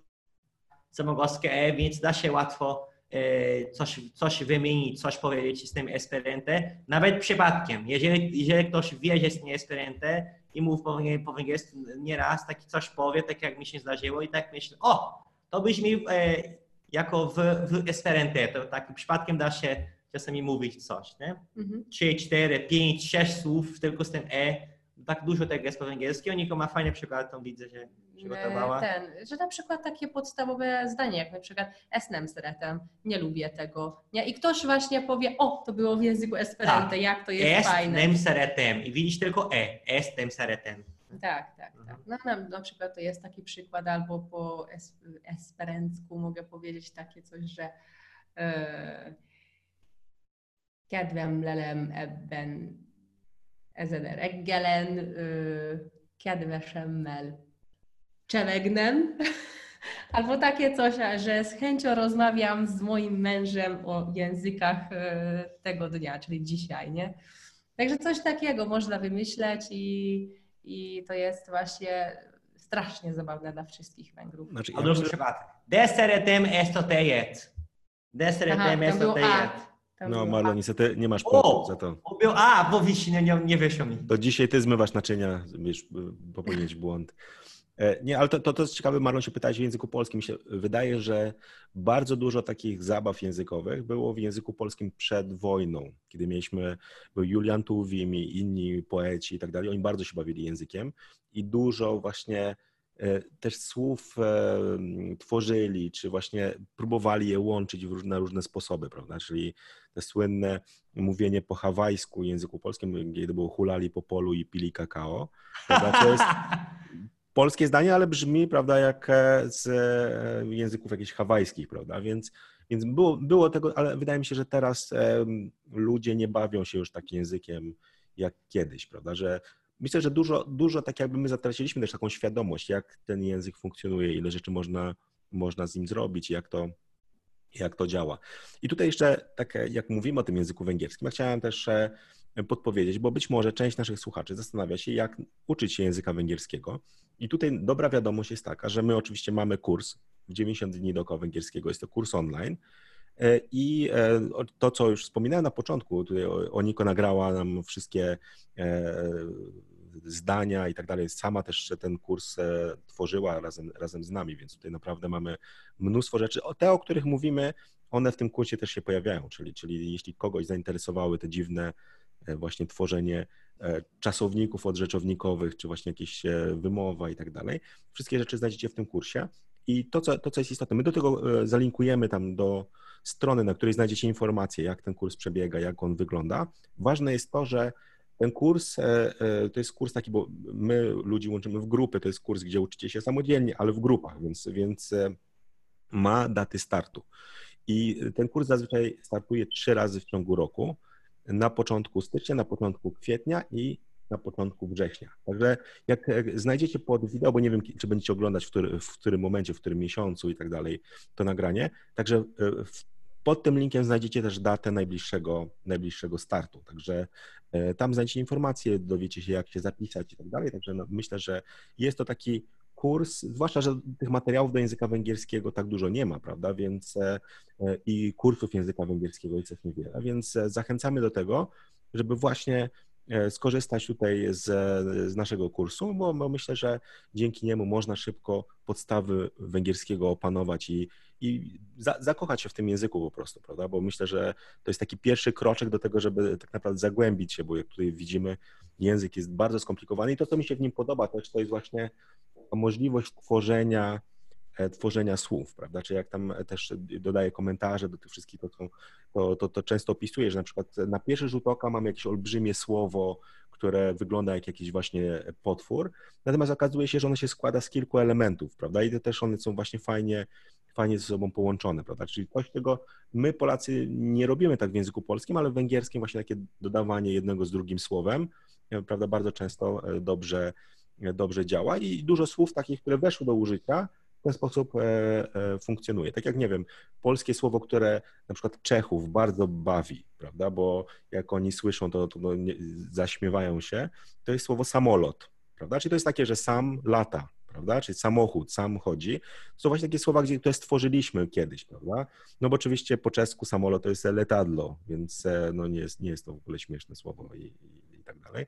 Latadło, prawda? I, no to a, oni mówią, że jak słyszą samolot, no to jest zupełnie, zupełnie śmieszne. No my kiedyś tak robiliśmy, teraz najczęściej kopiujemy słowa, prawda, z języka angielskiego, jeśli nowe wchodzą, więc, e, więc tutaj E, różnie postępujemy. Natomiast z węgierskim jest właśnie, to jest ciekawe, że dużo tych słów powstaje. E, tam pamiętam było, jak była ta, ta żółta linia metra, prawda? Jest takie długie słowo, które, które można rozbić na mniejsze, mniejsze elementy i tak dalej. Jest mnóstwo, mnóstwo tego typu wyrazów. Więc zachęcamy do nauki węgierskiego, bo myślę, że to jest język, który może nie jest taki popularny w Polsce, ale myślę, że jest bardzo przydatny, zwłaszcza jeśli ktoś na przykład zna jakichś Węgrów, planuje wyjazd na Węgry, to znajomość tego języka bardzo pomoże, bo, bo myślę, że też Węgry podobnie jak Polska, prawda, czyli jeśli znacie język angielski, bez problemu, myślę, dogadacie się w hotelu czy w jakichś e, restauracjach w dużych miastach, ale nie poznacie już e, tego E, tych prawdziwych Węgier, prawda? Czyli jak pojedziecie do takich mniejszych miejscowości, no to ludzie już mogą mieć, mieć problemy, zwłaszcza ze starszego pokolenia, prawda? Bo tak jak mówię, no, nasze kraje są, mają bardzo podobną historię i też pewnie uczyliście się rosyjskiego w szkołach, prawda? W, w, da, w dawniejszych czasach dinozaurów, prawda? Więc, chociaż ja się nie uczyłem rosyjskiego, to muszę powiedzieć. Okay. Ja myślę takim starym dinozaurem, tutaj Malon chciał mi coś tutaj dopiec, bo widzę, że się ale, e, ale, ale no niedużo brakowało, prawda? Dwa lata różnicy i bym jeszcze się uczył rosyjskiego. Więc byłem już takim, takie pokolenie już języka angielskiego, natomiast jedno z pierwszych, prawda? Więc e, gdzie ja pamiętam jeszcze nauczycielem mieliśmy nauczycielka, która uczyła języka rosyjskiego, jak on się zmieniał, to na, zapisała się na kurs angielskiego właśnie, żeby użyć angielskiego, bo widziała, że ta zmiana nadchodzi, więc tam no, było naprawdę różnie się... Ale gdzie miałeś, gdzie miałeś te zajęcia? W budynku, w szkołach czy w jaskiniach? Miałem oczywiście w, no nie, no nie w jaskiniach, tutaj w budynkach jest. Okej, okay, dobra, dobra, no bo to dawno temu nie wiem, jak to wyglądało, nie? Tak. Dobrze, no, dobrze. No tak, tak, nie, to jako kosmita. No, jest... nie wie, bo na statku kosmicznym miał. Tak, tak, bo on tutaj... No to jest z Brazylii, wiesz, ja miałem te zajęcia w dżungli na pewno i blisko rzeki też, jak, jak nie raz w e, nauce.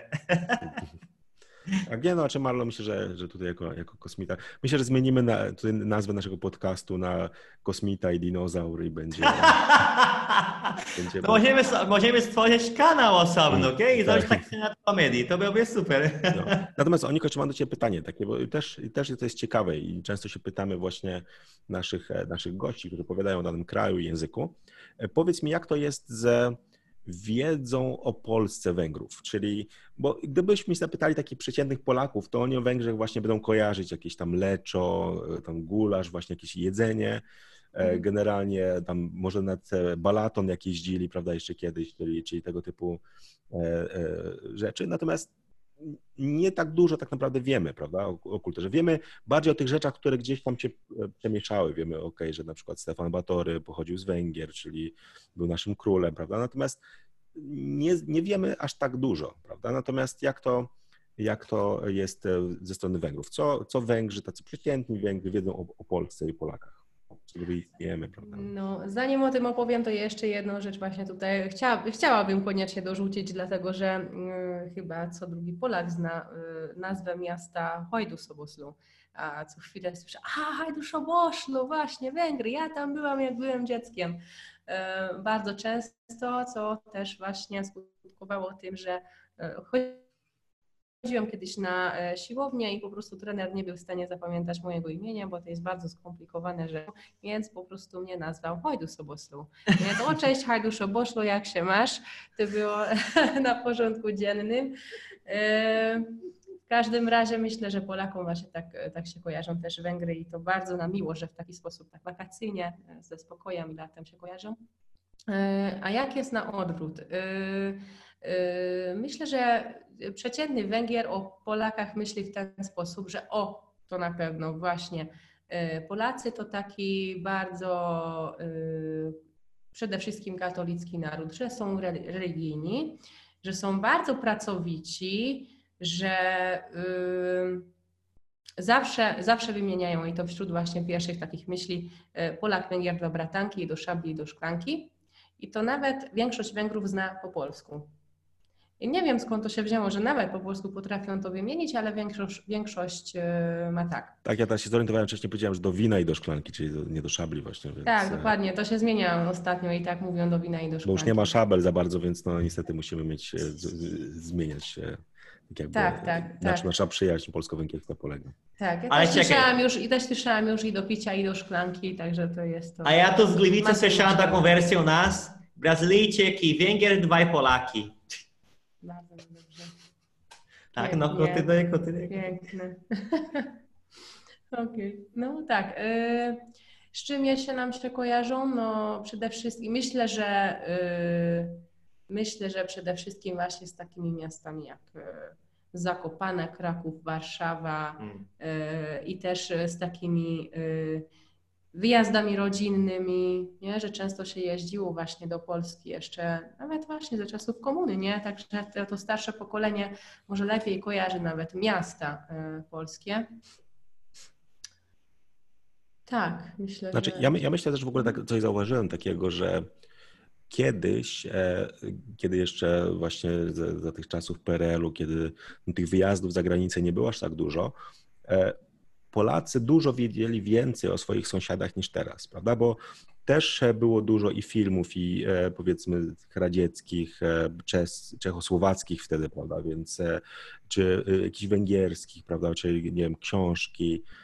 Ta kultura taka szeroko pojęta docierała do nas i myślę, że Polska też była znana i, i to, co na przykład często Rosjanie opowiadają, prawda, że o Polsce kiedyś się wiedziało bardzo dużo, prawda, bo e, w Rosji oglądało się polskie filmy, prawda, polscy aktorzy, typu tam Daniel Olbrychski czy ktokolwiek inny, byli znani, prawda, natomiast teraz myślę, że my trochę się zachłysnęliśmy kulturą amerykańską, tak po tych latach e, jako tej transformacji ustrojowej, że zaczęliśmy dużo więcej wiedzieć o Stanach Zjednoczonych, prawda, natomiast mało wiemy właśnie o takich krajach, które gdzieś tam e, istnieją obok nas, prawda? Czyli wiemy ogólnie, że okej, okay, Węgry są i znamy jakieś tam kilka rzeczy, natomiast gdyby ktoś miał wymienić na przykład jakichś e, pisarzy, węgierskich aktorów i tak dalej, myślę, że byłby z tym, z tym problem, prawda? Natomiast kiedyś wiedza była dużo większa, tak jak mówicie, że, że chyba na Węgrzech jest podobnie, prawda? Że to starsze pokolenie będzie dużo lepiej Polskę kojarzyło niż to młodsze pokolenie, prawda? Czyli każdy z nas ma jakieś, e, ma jakieś, e, ma jakieś skojarzenia, prawda? Czyli część, e, część osób ma, nie wiem, z piłką nożną, prawda? Tutaj Węgry kiedyś były potęgą w piłce nożnej, teraz trochę gorzej im, im szło ostatnimi laty. No i my jako poligloci tej Maron też znamy tą słynną poliglotkę, prawda? Która jest jedną z takich bardzo, bardzo ciekawych postaci, która była i tłumaczką, i tak jakby ona bardzo dużo też e, wprowadziła do tłumaczenia symultanicznego i do tego, jak pracuje się z językami, czyli katolomb, prawda? I tutaj taka ciekawostka, prawda, też jak mówimy o imionach, nazwiskach, na Węgrzech jest chyba tak, że najpierw się podaje nazwisko, a później się podaje imię, prawda? Więc tak, no my... Tak. I to jest kolejny taki zwyczaj azja, azjatycki dla mnie, mhm. co mnie właśnie tutaj trochę e, szokowało w Polsce, bo, bo, bo tu się robi to na papierach i dla mnie jest do dzisiaj niepojęte, czemu to, to u Was jest czasami w dokumentach tak, a w mowie nigdy nie ma i nawet widziałem czasami w urzędach, ludzie pytają, a najpierw imię czy nazwisko i tak myślę, no to takie, takiego problemu nie mamy w Brazylii i też nie mają na Węgrzech, bo tak jest jeden system i koniec, nie? Ale to też jest mocno związane z jedną zasadą taką gramatyczną, że po węgiersku e, na pierwszym miejscu zawsze jest przymiotnik, a na drugim rzeczownik. Nie? Czyli nazwisko jest uważane za niby przymiotnik, taka cecha, Za niby tak? przymiotnik, tak. I wiele nazwisk hmm. ma właśnie taką formę y, przymiotnikową. A, tak, tak, jak mówię też Zoloi, Soloi, czyli pochodzące właśnie z tego rejonu Zolo. A, to jest prawda. I dlatego uważam, że y, podając nazwisko, podajemy jakąś cechę tej osoby, która ma na imię. Nie, to tak jak po polsku też mamy, prawda? Nazwiska, które są jak przymiotniki, nawet też mają tą formę męską tak. i żeńską, prawda? Typu mhm. Kowalski, mhm. Kowalska i tak dalej, czyli mhm. E, bądź też, i to jest też taka trudność, prawda? Ktoś ma na przykład nazwisko, które jest typowym e, przymiotnikiem, typu, nie wiem, e, ktoś może mieć nazwisko, nie wiem, ciemny, różowy i tak dalej. No i teraz często jest tak, że w przypadku, e, bo gdy mamy te nazwiska kończące się na ski, prawda, Kowalski, Kowalska, nie ma, nie ma tutaj problemu. Natomiast w przypadku takich często jest właśnie, czy to nazwisko się powinno tam tą żeńską formę mieć, czy nie powinno, czy powinno, tak? nie wiem, ta kobieta powinna się nazywać ciemna, czy ciemny, prawda, i tutaj zawsze są różne dyskusje, prawda, i tutaj z odmianą nazwisk, to myślę, jest ciężko. Ja sam o moje nazwisko też miałem, miałem problem, pewnie moja koleżanka pisała nawet do poradni językowej. Mam takiego kolegę, który ma nazwisko Jerzak Weldobosz, jak to powinno się odmieniać, prawda, więc e, no i widzę, że ludzie mają problemy czasami to też jest, e, to też jest e, trudność, no bo to jest takie nietypowe no, dla, dla Polaków. No skoro mówi się, to jest jeden, jednoczłonkowe nazwisko, więc teoretycznie trzeba by mówić że znam Konrada i Jerzak Weldobusia, nie? Bo jeżeli hmm. uważasz to za cały element, to tylko na końcu tego wszystkiego ma Ale być to jest, A, nie? To jest jednoczłonowe tylko w dokumentach, prawda? Żeby wpisywać okay, w, jedno, w jedno pole. O ile to pole przyjmuje spację, bo to też jest duży problem, bo niestety nie wszystkie programy komputerowe przyjmują spację, więc mm. E, więc, e, no i często w urzędach jest tak, że pani, e, która tam siedzi, mówi, nic nie mogę na to poradzić, ja tak mam w programie i tak musi być. Więc no hmm. niestety czasami, ja tak miałem już parę razy, że czasami właśnie zmieniają, czy, czy te spadnie mi nagle zjada, bo jakiś tam program i nie wiedzieli co zrobić, to, to po prostu piszą to jednym ciągiem. Natomiast poprawna odmiana powinna być Jerzaka, Wel do Bosza. Więc tutaj, tutaj jest tak, że to Wel pochodzi z łaciny, więc się nie odmienia, więc pozostaje bez zmian, ale pozostałe człony się odmieniają. Więc... E, ale na temat właśnie imion, to bardzo, bardzo inne macie te wasze imienia też, nie? A jak się porównują do innych narodów? Takie swoje tam rodzime węgierskie imienia są bardzo piękne, ale są bardzo inne też, nie?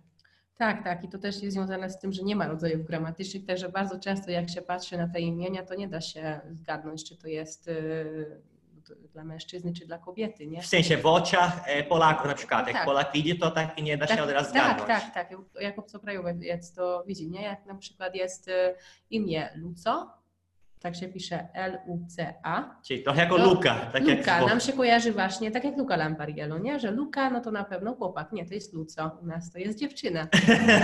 Albo albo czobo, Polacy widzą, widzą czobo, o, kończy się na A, no to musi być kobieta. Nie, to jest mężczyzna. To jest tradycyjne imię węgierskie. Albo, albo, albo, albo jej imię, Oniko. Dla Brazylijczyk jak widzi, on czyta to Aniko i to się kojarzy z imieniem mężczyzny. I jak się dowiaduje, że to jest kobieta, to takie zdziwione jak to, jak takie imię. Tak, i na uczeni też miałam parę razy taki, yy, takie sytuacje, że na przykład czytają yy, listę studentów, no i wiadomo, że jak jest Gosia Kowalska, no to pani, nie? I takie, no to pani W Lublinie to było, nie? Tak, i ta pan Tomek, nie wiem kto. No i po prostu ktoś y, się zatrzymał, ten e, profesor się zatrzymał na chwilę, a nie wiem teraz, czy pan, czy pani. A już od razu powiedziałam, na pewno to ja. Także y, często nie wiadomo, bo jak się kończy na U zamknięty, to. Tak jak, tak jak Oniku. Ale też nie ma takiej zasady, że jak się kończy po węgiersku na U zamknięty, to ma być y, imię damskie, dlatego a. że y, na przykład mój y, tata ma na imię Laslu, a tak y, nawiasem mówiąc, to pochodzi z polskiego y, Władysław, taka odmiana Laslu, no i Laslo też się kończy na U zamknięty. Hmm. Nie, ale to czasami tak jest, bo w języku polskim właśnie jest o tyle łatwiej, że no jest ta zasada, że jak jest na A się kończy imię, no to jest, e, można strzelać, że to jest kobieta, prawda? I tutaj e, może się zdarzyć czasami, jeśli to jest jakieś nie polskie nazwisko, które ktoś nosi, prawda, że, że będzie. Natomiast w większości przypadków, jak ja wyjaśniałem też obcokrajowcom, prawda, którzy pracowali z Polakami, jak rozpoznać, czy to jest kobieta, czy mówię, spójrz na imię, od razu będzie, będzie wiadomo, o co, o, co, o co chodzi.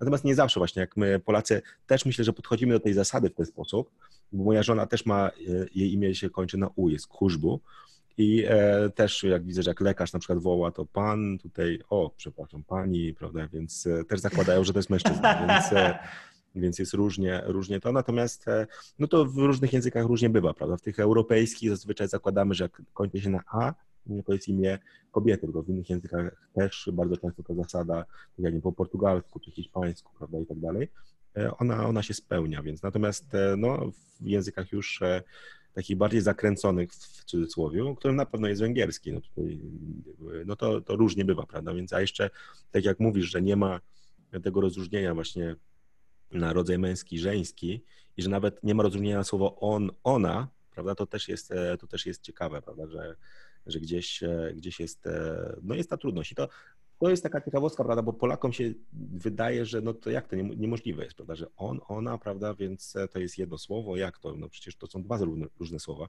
ale takich języków jest dużo, prawda, jest e, w fińskim, e, w hindi, prawda, czy też jest, e, moja żona też czasami myli, prawda, że kiedy mówi, że na przykład on jej powiedział, prawda? A to było on mu powiedział. Prawda? Mimo, że ona rozróżnia to w języku angielskim, ale czasami tak wydaje mi się, że nieświadomie E, ludzie mogą mieszać to, prawda? Czyli, czyli gdzieś, gdzieś to się, się dzieje. No i w węgierskim też chyba tam brat, siostra, prawda? To jest jedno też słowo, więc, e, więc też no, dla Polaków się wydaje, jak to przecież to trzeba rozróżnić, prawda? Natomiast no, to różnie bywa, więc, e, więc zawsze, zawsze są takie ciekawostki, które sprawiają, że spoglądamy trochę inaczej też na, na to, jak my się porozumiewamy, prawda? Jakich słów, słów używamy. No dobrze, Oniko, na, koniec może coś, byś mogła też powiedzieć ludziom, którzy chcą zacząć naukę węgierskiego, dać im jakąś radę, czy coś, e, bo mówiliśmy, że ten węgierski wydaje się taki straszny, ale tam dużo jest rzeczy właśnie łatwych, ale jakbyś mogła tak na koniec naszej rozmowy dzisiaj dać tak kilka słów, może otuchy, może zachęty tym ludziom, którzy chcą zacząć naukę języka węgierskiego. No właśnie taką, y, bo wydaje nam się, że ten, ten węgierski, tak jak mówiliśmy, że oderwany od y, rzeczywistości, nie i takie, Boże, jak to trudny jest. Też zależy oczywiście od naszego nastawienia, od y, naszego podejścia. Ale tutaj taką może zachętą może być to, jaką mają postawę Węgrzy, nie? że Węgrzy są niewiarygodnie dumni ze swojego języka i bardzo lubią o tym mówić. Nawet istnieje wśród nich taka teoria twierdząca, że może on zawierać najwięcej pozostałości z tak zwanego języka protohumańskiego, jakby to nazwać, że to jest najbardziej starożytnym językiem świata.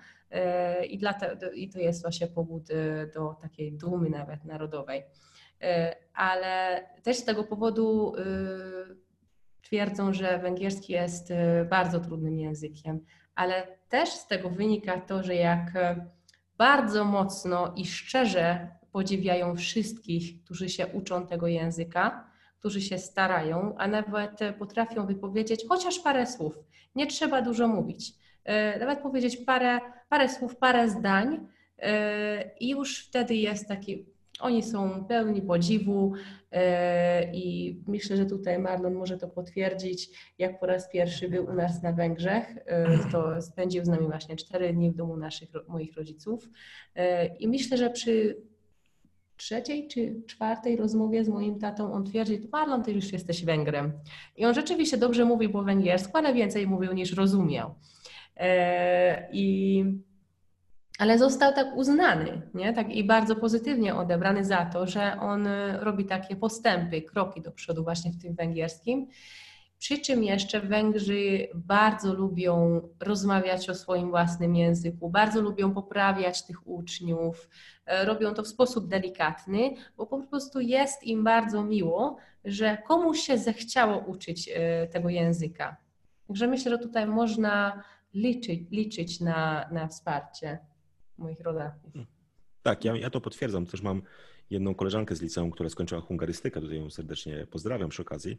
I ona opowiadała właśnie mnóstwo takich historii, że za każdym razem, kiedy jest na Węgrzech i używa języka węgierskiego, no to ludzie bardzo pozytywnie przyjmują. Czasami, tak jak mówisz o tych długich pożegnaniach, to trzeba się przygotować, że ci ludzie zaczną z wami rozmawiać i bardzo się cieszyć. I no później, nawet jak się zapytamy jakąś jedną prostą rzecz, prawda, że to może być, e, zwłaszcza jeśli to są starsze osoby, to też e, też one, one bardzo pozytywnie to przyjmują. Myślę, że Polacy podobnie, bo też my też doceniamy, prawda, więc e, ja tu się spodziewam i tutaj zachęcam oczywiście wszystkich widzów do, do tego, żeby tutaj Oniko e, e, tutaj chwalić za, za fantastyczny język polski, bo, bo naprawdę ja myślę, że jesteś jedną z takich obcokrajowców, którzy, którzy mówią naprawdę najlepiej z tych, których poznałem bo i wymowa, i tak jakby, e, tak jak mówię, że no, no, pewnie większość, ja pamiętam, że zawsze na tych warsztatach, kiedy też e, uczestniczyłaś z nami, to tam ludzie mówili, że to jest na pewno masz jakąś rodzinę, czy że, i tak dalej, czy nikt nie chce uwierzyć, -hmm. że e, tak, wpadło takie, kiedyś takie pytanie, że powiedziałam, że jestem Węgierką. No nie, ale rodziców masz Polaków, nie? Nie. nie. że były takie No więc, e, no jedyne co możesz powiedzieć, że, że twój syn się urodził w Polsce, prawda? Czy, A tak. Że, to, to, teraz, no ale, ale to, E, to, to, to nie, nie pomaga w nauce języka niestety, że to nie jest z założenia, że ktoś się urodził, no to róż, różnie bywa. I też mam kolegę, który to też ciekawostka taka, że opowiadał, że on e, mieszkał na Węgrzech jako małe dziecko i chodził do przedszkola węgierskiego i tak dalej. Mówił, że świetnie sobie radziłem po węgiersku, ale wyjechałem z tego kraju i tego języka nie używałem i dzisiaj nie pamiętam go w ogóle. Nie? Więc to też jest tak, że czasem się wydaje, że dzieci szybko się uczą języków, ale to też działa w drugą stronę, że one szybko zapominają. Więc jeśli uczyliście się języka jako dziecko, to możecie go zapomnieć. Coś tam zostanie w głowie, ale bardzo często e, nie będziecie w stanie się w ogóle w nim porozumiewać i rozumieć go. Więc to znaczy różnie, różnie bywa. Dobrze, myślę, że tak jak mówię, zachęcamy wszystkich widzów do zostawiania komentarzy pozytywnych i piszcie, czy zaczynacie naukę węgierskiego oczywiście. I e, zachęcamy również do subskrybowania. Co piątek nowy odcinek e, podcastu, nowe suchary tutaj e, Marlona. Te oczywiście przygotowane przez Oniko również się pojawiają, Marlon stara się je prezentować. Natomiast, tak jak mówię, że te lepsze to są właśnie od Oniko, a jeśli jakiś jest trochę słabszy, to nie Marlon wymyślił tutaj na poczekaniu przed podcastem. Także dziękujemy Wam za uwagę, pozdrawiamy serdecznie i zapraszamy do słuchania kolejnych odcinków.